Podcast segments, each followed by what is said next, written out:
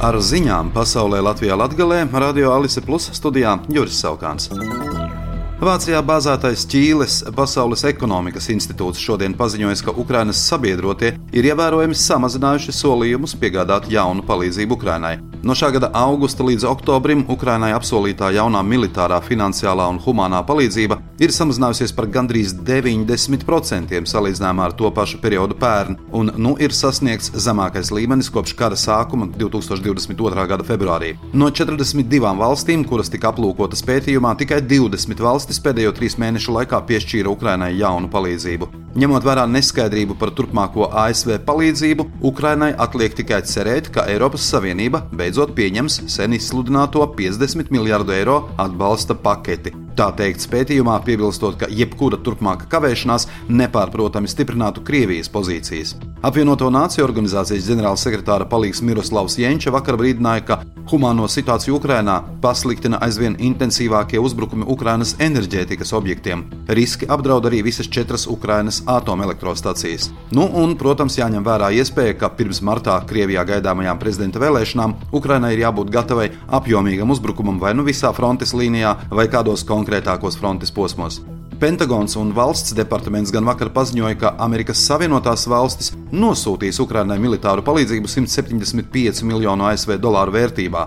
Tās būs gan vadāmās raķetes Haimars, gan pretbruņu sistēmas un cits bruņojums, taču, kā paziņoja ASV valsts sekretārs Antonius Blinkens, ja kongress neapstiprinās papildu finansējumu, tad šī būs viena no pēdējām drošības atbalsta paketēm Ukrainai.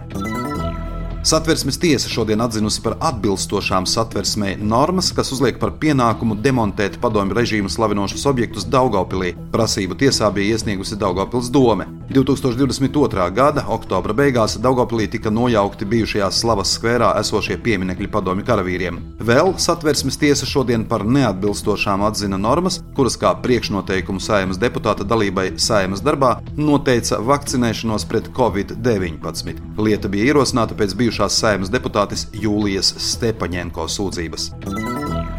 Sijā Daugopils reģionālā slimnīca izsludinājusi konkursu uz vakanto rīkotāju direktora amatu.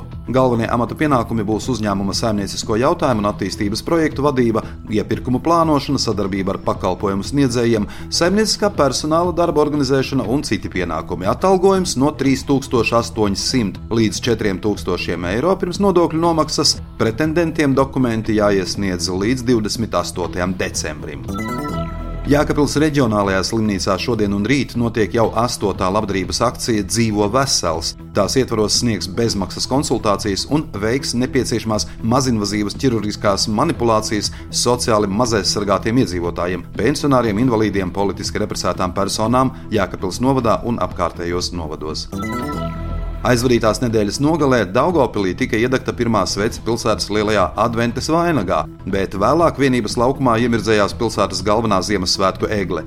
Abu šo pasākumu laikā no vecākiem noklīda vismaz seši bērni, kuru meklēšanā vecāki aicināja palīgā pašvaldības policistus, un viss beidzās laimīgi. Daugopils pilsētas pašvaldības policijas darbiniekiem atradēji nodeva arī divas bankas kartes, kuras cilvēki bija pazaudējuši pasākumu gaitā. Daugopils pilsētas pašvaldības policija brīdina, ka bērnu pazušana ziemas vakarā ir īpaši bīstama, jo ilgstoša atrašanās ārā augstā laikā var radīt nopietnas veselības problēmas. Bez tam jāpaturprātā, ka vecāki ir atbildīgi par bērnu pieskatīšanu, par septiņu gadu vecumu nesasnieguša bērna atstāšanu bez uzraudzības, ja to izdarījusi persona, kur ir atbildīga par bērnu uzraudzību, paredzēts arī sots, brīdinājums vai naudas sots līdz 42 naudas soda vienībām, tie ir 210 eiro.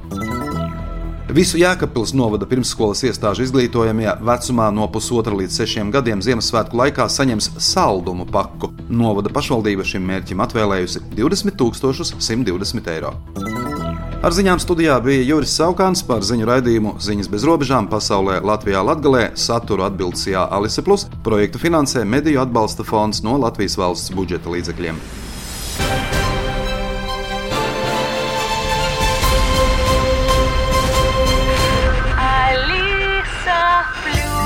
Radio